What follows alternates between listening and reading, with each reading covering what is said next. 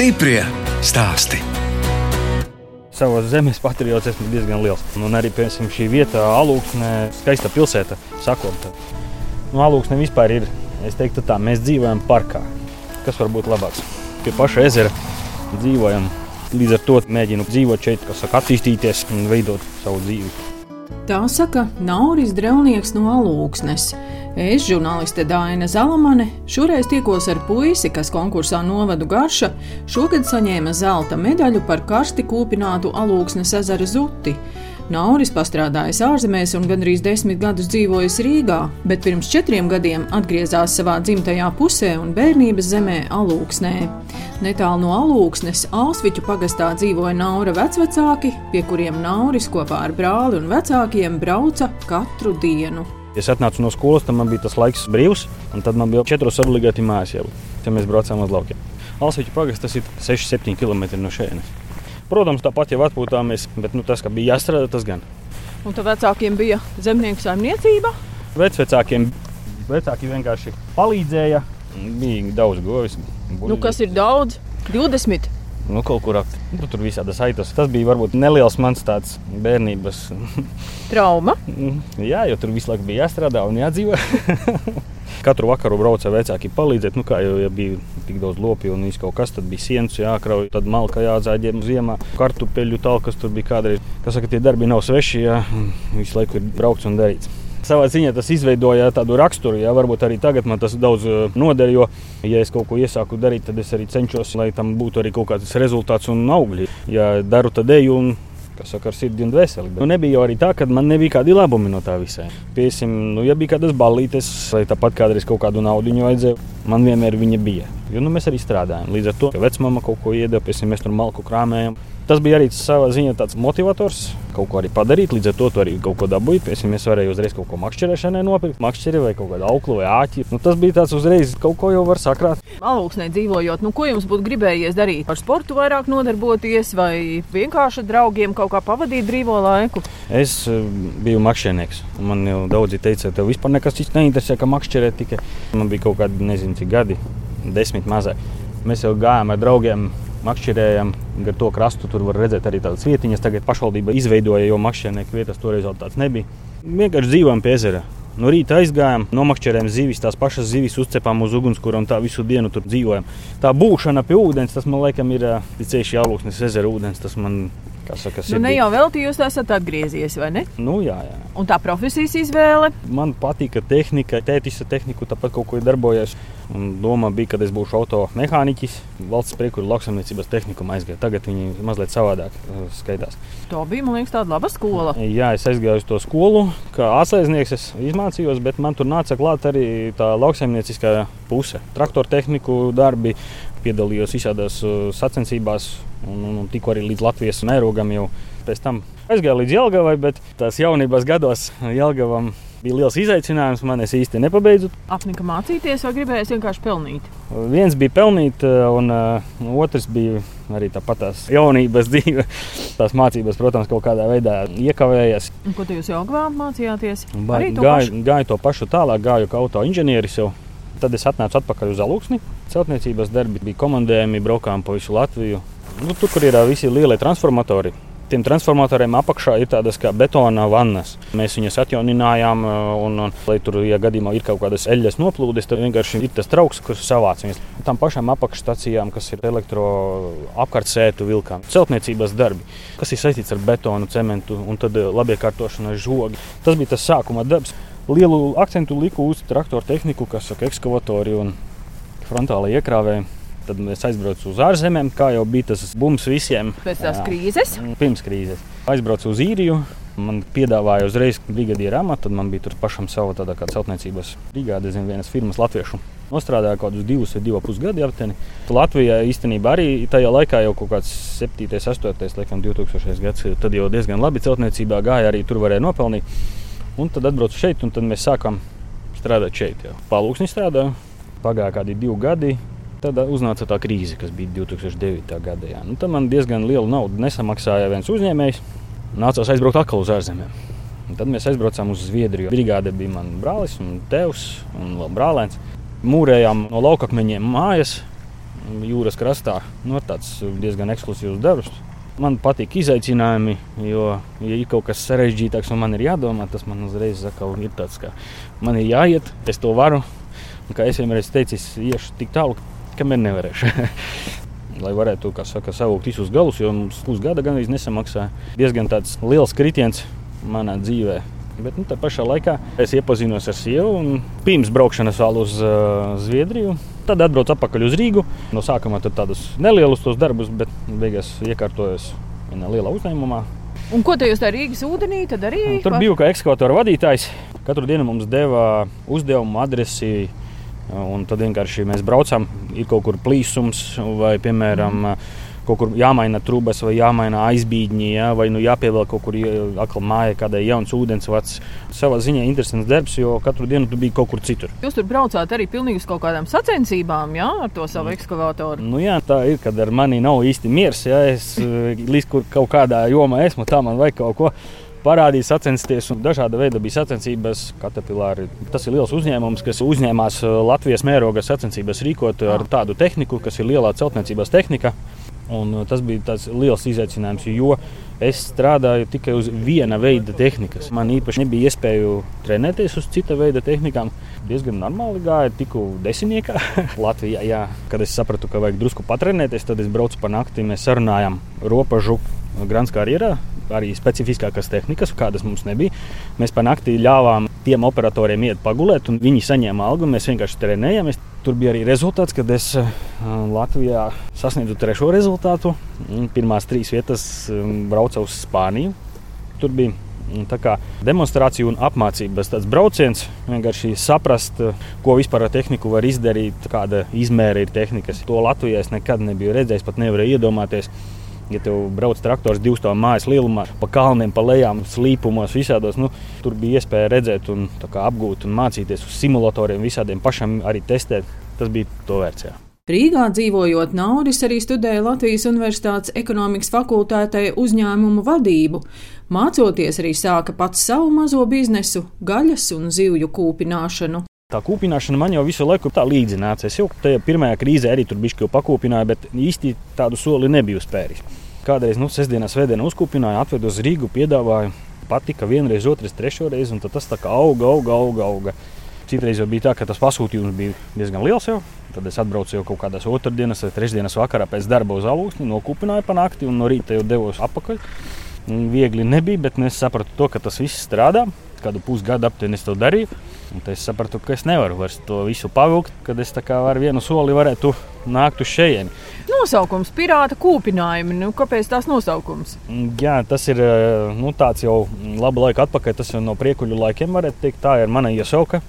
Es biju visur. Es biju diezgan aktīvs, un uh, es īstenībā nebiju tāds, kas sēž visu laiku uz vietas, vai istabiņā, ja un ārā neiet. Nē, es biju visur, es biju ārā, es biju visādos treniņos, es arī hokeju spēlēju. Man bija pašam savākta hokeja komanda, un beigās 4. kursā labākie mēs bijām. Nu, es vienkārši gāju, darīju visu, un arī visas zivis, un tas ūdens, un tas pirāts. Un Kaut kā tas patika arī pašam, un, un, un arī cilvēki ir ievērojuši alūksnē. Ja pasaka, pirāta kūpinājumi uzreiz jau zina, kur tas ir, jau kas tas ir. Daudz ir jau nogaršojuši. Stiprie stāstī!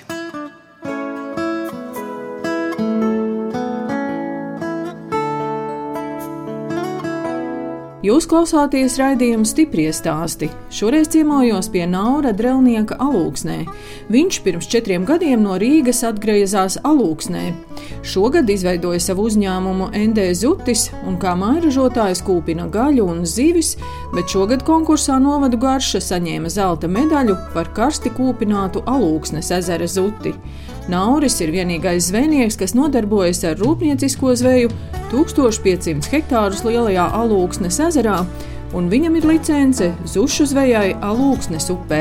Tā ir vienīgā upe, kas iztek no Alūksnes ezera, tā ir Alūksnīte. Tā upe ietek pēdedzē, tad no pēdedzes tālāk aiviekstē, un aiviekstē Daugavā, un tie zuši, ja viņi migrētu, viņi tāpatās tur netiktu nekur tālu, jo ir ļoti daudz mazo hesu priekšā, un trīs lielie hesi Nu, tad ir tā, ka vienkārši Alūksnes pašvaldība regulē ūdens līmeni. Viņam arī noteikts, kādam līmenim, kuram mirklī plus mīnus ir jābūt. Un regulējot to līmeni, tie zuši vienkārši migrē. Es esmu tas, kas vinnēja konkursā, un tos zušus nopērku no pašvaldības. Tagad jau sesto sezonu jau Un kā jūs pērkat licenci uz gadu? Jā, katru gadu ir licences maksa. Pavasarī mēs to jau sakārtojam līdz kaut kādam aprīlim. Tad jau sākam ar maiju pirmo to zvejot. Praktiski tas viss notiek naktī. Un jo sliktākie laikapstākļi, jo vairāk tur visi tie zuši nāk. Ir naktis, kad esam, ir naktis, kad nesam. Jūs liekat kaut kādus murdus? Uh, nē, mēs iesim iekšā, jūs redzēsiet, kā tur tas viss izskatās. Tur ir tā jau namiņā. Tā ir namiņā iekšā, jā. Tur vienkārši sieti priekšā ir. Nēģus ķer tačos kas iet pāri upei, tur speciāli tāda izbūvēta. Jums ir vesels namiņš. Jā, vesels namiņš, kas arī ir uz upes, un arī viņam ir vārds tacis. Kamēr ar nauri apskatām upi, kas iztek no Alūksnes ezera, ieradies Alūksnes novada pašvaldības aģentūras direktors Māris Lietuvietis. Viņš atbild par Alūksnes novada ezeru apsaimniekošanu un stāsta, ka Alūksnes ezerā dzīvo 26 sugu zivis. Sākot ar vienkāršām raudām, un mums ir arī vēdzelē, repši, kas ir lašveidīgās, sīgas, kas ir lašveidīgās, zuši. Esam arī laiduši varavīksnes foreles, tā kā daudzveidība ir liela. Bez Alūksnes ezera, ko tad jūs vēl uzraugat, kādas tās ūdens tilpnes? Pirmais tas ir uh, publiskās ūdens tilpnes, tie ir pieci ezeri. Ir alūksnes, tad ir Inzera ezers, kas ir kaut kādi 15 km no alūksnes, tad ir Sudala ezers, kas ir jau 30 km no alūksnes. Ir publiski ezeri, kas robežojas ar Igauniju, Ilgāja un Murata ezers. Tur atkal mums ir cita pieeja, vairāk ar turismu nekā ar pašu zivju resursu strādāt ir Vaidos ezers, kas ir Latvijas valsts meža teritorijā. Tur arī veidojam sadarbību. Ir upes, Vaidava, Pededze. Un, kā jau saku, pārējie ezeri, kas nav publiskie, bet kas tomēr ir pagastos, un arī pagastu iedzīvotājiem svarīgi. Tos uzraugam un strādājam ar viņiem. Mēs tagad dodamies uz nopietnu objektu, ja, kurš ir aizslēgts, vārti aizslēgti. Jā, pat cik tā ir uh, hidrobūve Viņas pamatu uzdevums ir regulēt līmeni alūksnes ezerā, tad ap viņu ir noteikti aizsargjosla. Tāpēc ir apkārt žoks. Runājot par uh, zušu taci, tas arī bija viens no maniem pirmajiem uzdevumiem sakārtot šeit īpašumtiesības. Ēka, kas bija uzbūvēta, arī bija bez dokumentiem, bet ar uh, Eiropas zivsaimniecības fonda atbalstu 2014. gadā mums bija iespēja to sakārtot, restaurēt un uzbūvēt jaunu, modernu zušu tacinu. Bet nav arī kā tas ir. Nu, ja jums ir tas zušu laiks, tad jums arī vienmēr nāk kāds no pašvaldības līdzi. Mēs, mēs visu laiku esam kopā ar pašvaldības pārstāvjiem. Viss notiek gan ar inspektoru kopā, gan saka, ar manu klātbūtni.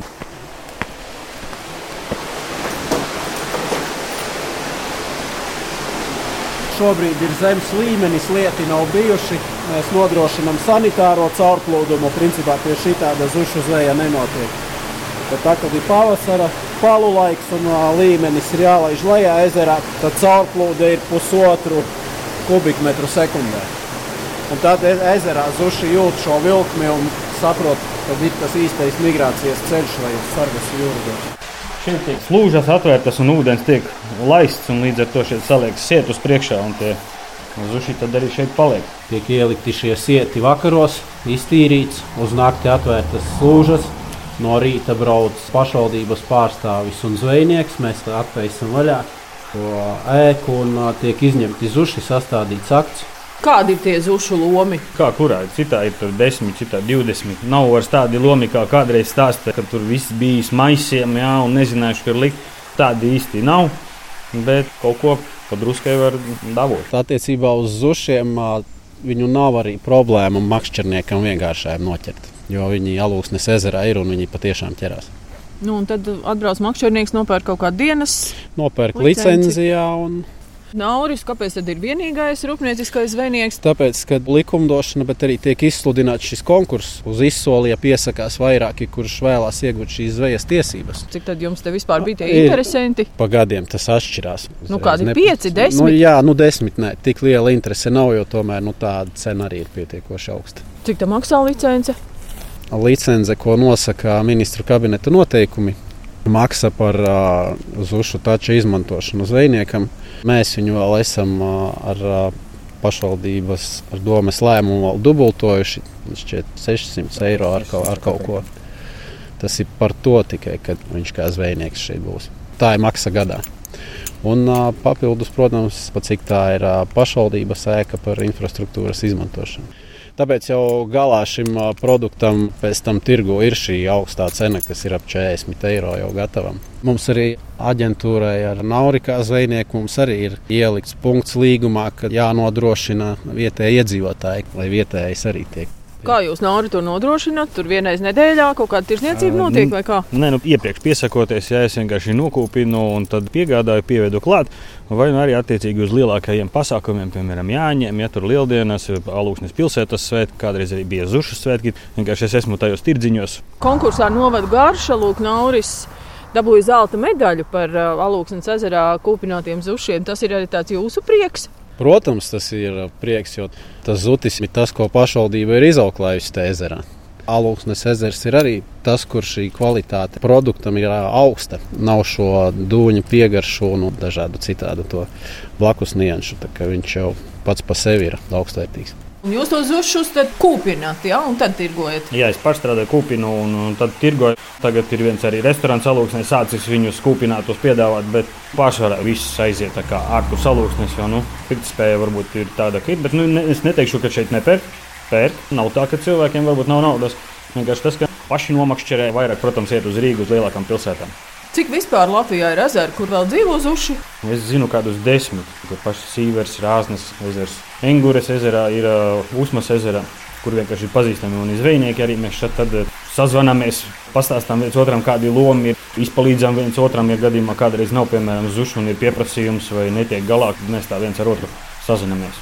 Alūksnes zutis ir novērtēts ar zeltu, bet jums ir arī divas bronzas godalgas. Gaļu un vistu tagad drusku retāk. Zutis kūpinu biežāk, bet nu, to vistiņu ir tikai uz lielākiem svētkiem. Kaut gan tā roka jau bija jau piešota jau vismaz 15 gadi atpakaļ. Bet nu, tāpat tas ir liels sasniegums jau tikt arī novērtētam, kad tā produkcija jau sasniedz kaut kādu medaļu. Protams, tas ir augsts rādītājs. Viegli nav, to prasību ir eh, ļoti daudz. Bet vienkārši nevajag ņemt un domāt uzreiz to visu kopā. Tik daudz man ir jāizdara. Vienkārši vienā dienā izdarīju vienu, otrā dienā otru, un nedēļas laikā tu jau esi kaut ko jau izdarījis. Arī tie paši pārtikas veterinārijas dienas, kas nāk pie manis pārbaudēs, lai viņi redz, ka tu dari. Protams, jābūt tai kārtībai, tīrībai, un tas ir viennozīmīgi. Bet nu, papīra lietās, piemēram, viņi arī nav tā, ka pirmā dienā tev tagad uzreiz visu prasīs, tāpat kā jau lielam uzņēmumam. Nē, tā nav. Kā arī viņi teica, nekad nebūs tā, ka viss tev ir gatavs. Vienkārši mēs līdz ko redzam, ka tev jau viss ir sataisīts, mēs liekam nākamo solīti. un tā visu laiku iet uz priekšu. Nu, tā arī ir eh, visā pārējā. Jā. Kamēr mēģinu to ražotni pacelt kaut kādā noteiktā līmenī, pats strādāju paralēli, jo atkal joprojām celtniecībā ir sava pašam brigāde. Pa dienu strādāju tur, pa vakariem braucu kūpināties, tad vēl pēc tam pievedu, piegādāju jā, arī tās tuvākās pilsētās. Un kas tad šobrīd ir tie celtniecības objekti, kur tā jūsu brigāde Jā. darbojas? Es veicu dažādus remontdarbus. Visa vasara pārsvarā aizgāja ar jumta remontdarbiem. Šobrīd ir viena spirts pamatu izbūve, daudz visādi iekšdarbi, piemēram, pa ziemu ir dzīvokļi, iekšdarbi. Ja ņem vērā, ka tie zuši tomēr ir lieguma periodi un jā. tas migrācijas posms nav tik ilgs, tad ir jādomā, jā, lai būtu ko darīt arī visu ziemu. Jā, Protams, pagaidām man zutis ir galvenais, tas trumpis. Bet es viņu īsti savā ražotnē nevaru likt kā galveno, jo jebkurā mirklī viņš var izbeigties. Arī Eiropas Savienība var pielikt punktu tam, kad nedrīkst realizēt tos zušus un tam līdzīgi. Un, un, un tur ir daudz tādu kritēriju, kāpēc es skatos arī uz citu, piemēram, uz to pašu foreli, kādām citām zivīm, un ko es varētu darīt ar tām zivīm, vai uz to pašu gaļu un konservēšanu. Piemēram, skatos plaši, lai nav tā, ka tikai vienā virzienā man ir vajadzīgas telpas ražotnīte, uz ko es eju. Un es redzu gaismu tuneļa galā. Tā ražotne būs šeit, alūksnē? Gribēju alūksnē, bet Diemžēl mums tie noteikumi Latvijā ir tādi, ka finanšu iestādes skatās vairāk uz Rīgas pusi, ja, un mēs esam diezgan tālu no Rīgas, un diezgan grūti ir apgūt kaut kādus finanšu līdzekļus. Kaut arī man ir trīs Eiropas projekti bijuši izstrādāti, kas ir apstiprināti. Diemžēl īsti neesmu ticis līdz realizācijai, bet nu, esmu sapratis varbūt kaut kādas nianses, kas ir jāpalabo un arī ar cilvēkiem aprunājies kas man pam, kaut ko pamācīja. Tie projekti jau ir par tādu pārstrādes cehu. Jā, tas ir pārstrādes cehs, kas ir uh, gan kūpināšana, gan arī konservēšana. Jau. Protams, ko jūs konservēsiet? Nu, sākumā ir tie paši zuši. Kas jau tagad ir uh, izstrādājis jau, jau, jau izmēģinājums, ir noprovējuši tie paši kaut kādi radi draugi un patīk. Kāpēc es gribu to tieši pārstrādāt, jo to zivi var uzglabāt. Tas ir viss tikai saistīts ar to, ka, piemēram, arī es aizēju uz tīrdziņu, ja man, piemēram, paliek kaut kāda zivs pāri, kur lai es lieku viņu. Es esmu tāds, kas mēģina to kvalitāti saturēt, es viņu neturu tur nedēļu un tirgoju, jo, protams, tās zivs mazliet zaudē to visu garšu. Nu, kur tad būs tas pārstrādes seks? Iešu apakaļ turpat uz vecāku mājām, kur man jau tagad jau tas viss ir vienkārši paplašināšu kaut kādas telpas. Tas ir tāds nākamais solidis, kas ir jādara. Stiprie stāsti.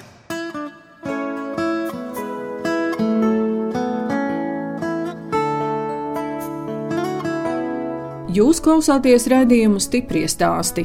Turpinu ciemoties pie uzņēmēja Naura Drelnieka alūksnē. Satieku arī Naura sievu Kristīni Faustu Drelnieci, kas arī ir alūksniete.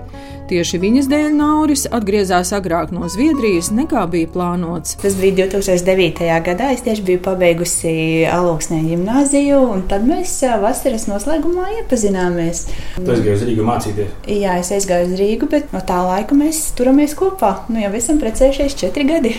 Tad vienu foršu puisi atgriezāt Latvijā, vai ne? Jā, jā. jāpriecājas par to. Jā. Tā ir sanāca, ka jūs abi divi esat no alūksnes. Jā. Kā Nauris teica, ka tomēr valk tā alūksne. Atpakaļ. Jā, tā ir. Tās ir dzimtas mājas. Šeit dzīvo vecāki, brālis dzīvo, tāpat arī vīram ir vecāki un brālis ar ģimeni. Šeit ir tā māju sajūta, un šeit ir skaista daba, kolosāla vieta. Viss ir sasniedzams, viss ir apkārt, un, protams, ka tā savā dzimtā vieta arī pievelk arī atpakaļ. Kristīna, jums ir darbs Rīgā. Nu, tad, kad Nauris gribēja pārcelties pavisam, jums jau bija kaut kādas šaubas, vai pamest to Rīgu vai nepamest?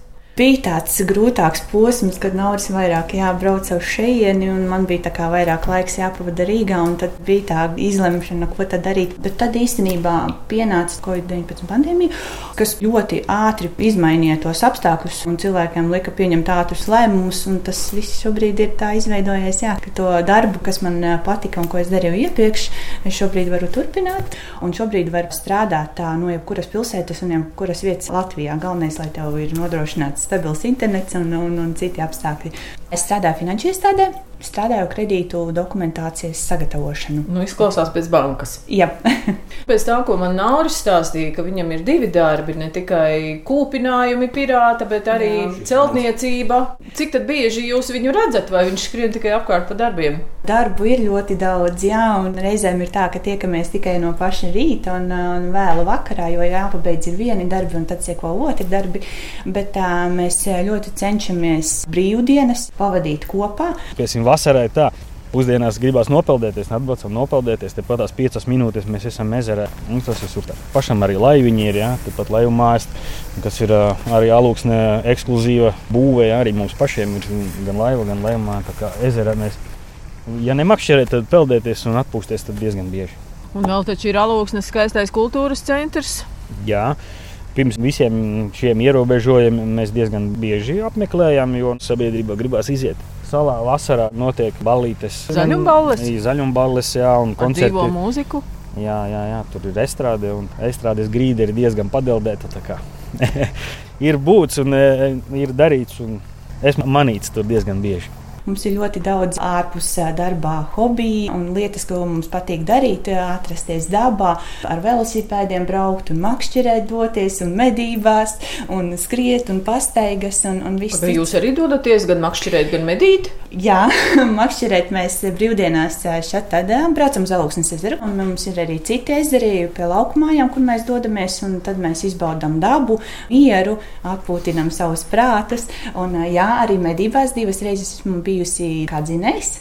Un tas bija ļoti liels piedzīvojums, un tas bija kaut kas jauns, bet man patika, jo tā arī bija būšana dabā, svaigā gaisā un uh, izpratne par dabu, par dzīvniekiem un par visiem procesiem, kas notiek. Protams, mums pilsētā notiek daži dažādi pasākumi. Ir gan balles, gan koncerti, gan arī sporta pasākumi notiek stadionā un volejbola sacensības un tā tālāk. Es pati esmu pabeigusi mūzikas skolu un es spēlēju violi. Šobrīd, gan pēdējos gados, to daru krietni mazāk, bet tā, iepriekš es piedalījos vilnieku ansamblī. Tad mums arī daudz ir bijuši koncerti Latvijas dažādās vietās, un arī esam bijuši Austrijā. Šobrīd nav sanācis pievienoties. Nav arī jāspēlē vakaros par prieku. Drusku jūs spēlējat. Daudzi tādi alūksnieši kā jūs, kas padzīvojuši kādu laiku Rīgā vai kaut kur ārzemēs un atgriežas? Daudz varbūt es nezinu, vai ir, bet uh, es ļoti daudz zinu, ka salūksnieši ir Rīgā, bet katru sestdienu, svētdienu atbrauc vienkārši paciemoties. Bet nu, tīri kā atgriezties uz šejieni vēl varbūt nē. Protams, te ir jāredz, ko tu darīsi. Ja cilvēks grib strādāt, tad noteikti var kaut ko atrast. Protams, te ir runa par varbūt atalgojumu, bet darbs noteikti ir. Jā, arī man ir zināmi vairāki cilvēki, gan klases biedri. Viņš šobrīd ir bērnu kopšanas atvaļinājumā, bet, bet nu neiroloģija un ģimenes ārstā tā, Jā, tā ir viena specialitāte.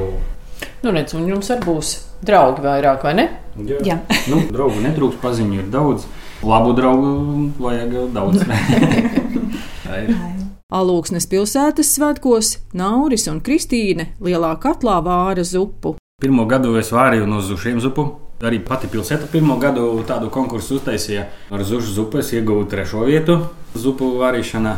Tas radīja tādu atkal interesi, kā būs tālāk, līdz nākamo gadu. Un tad nākamā gadā mēs atkal piedalījāmies. Un tad tur dabūjām pirmo vietu.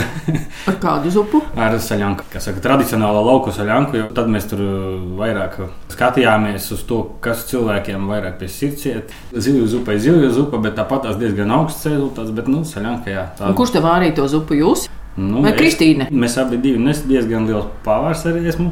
Un man brālis bija viņa arī palīdz. Nu, mēs visi ģimene. Vienkārši brālis ar dārzeņiem un visu. Un tad brālim es teicu, nāc palīgā. Tad mēs tur kopā jau sagatavojām visu turpat laukos.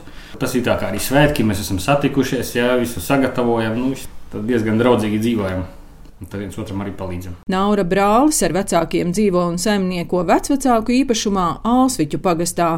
Tur Naurim ir arī zivju dīķi. Brālim ir dārzniecība, viņš tur audzē gurķus, tomātus, nu, visu kaut ko tur vēl, dārzeņus, visādi avenes, ogas, nu, visu kaut ko. Tam visam bija vajadzīgs ūdens, viņš eh, raka dīķus, es tur palīdzēju, un tad es tos dīķus nedaudz tur tā kā arī apsaimniekoju, zīvis kaut ko mēģinu izaudzēt. Un, un tad un arī tur jūs tur audzējat karpas? Ir provēts karpas, ir provētas arī foreles, tur ir arī kaut kādi līņi, līņu mazuļus. Tas viss strādā, viss notiek, jā, visādas karūsas, un izklausās tādas mazvērtīgākas, arī raudas, asari. Esmu zandartus laidis iekšā un, un, un stūres ir provētas arī laist.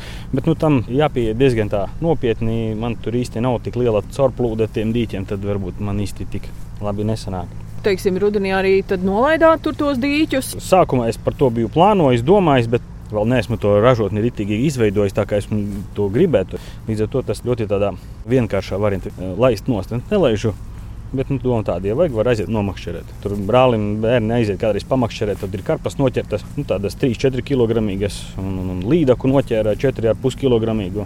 Pēdējais jautājums tradicionālais par tiem sapņiem. Naurim tas sapnis ir tas pārstrādes cehs savā ražotnē. Tas ir sapnis, uz ko es eju. Un, un noteikti savs veikals, kad atbrauc turists, tad viņš noteikti var iegriezties. Un, un gan jau, gan jau tas viss būs.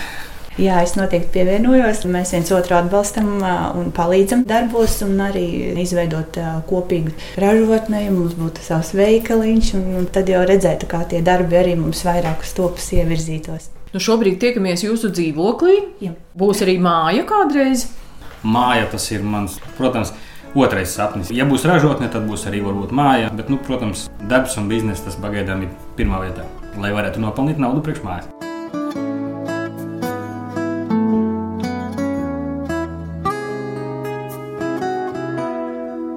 Radījums stipri stāst izskan, un mēs atvadāmies no alūksnieša Naura Drelnieka, kas konkursā novadu garša šogad saņēma trīs medaļas zeltu par kūpinātu alūksnes ezera zuti un bronzu par kūpinātu vistu un cūgaļu. Nauris strādājis ārzemēs un Rīgā, bet pirms četriem gadiem atgriezās dzimtajā alūksnē, kā mairažotājs izveidojis savu uzņēmumu un darbojas arī celtniecībā. No jums atvedās žurnāliste Dāna Zalamane un operātore Inga Bēdelē, lai tiktos atkal tieši pēc nedēļas.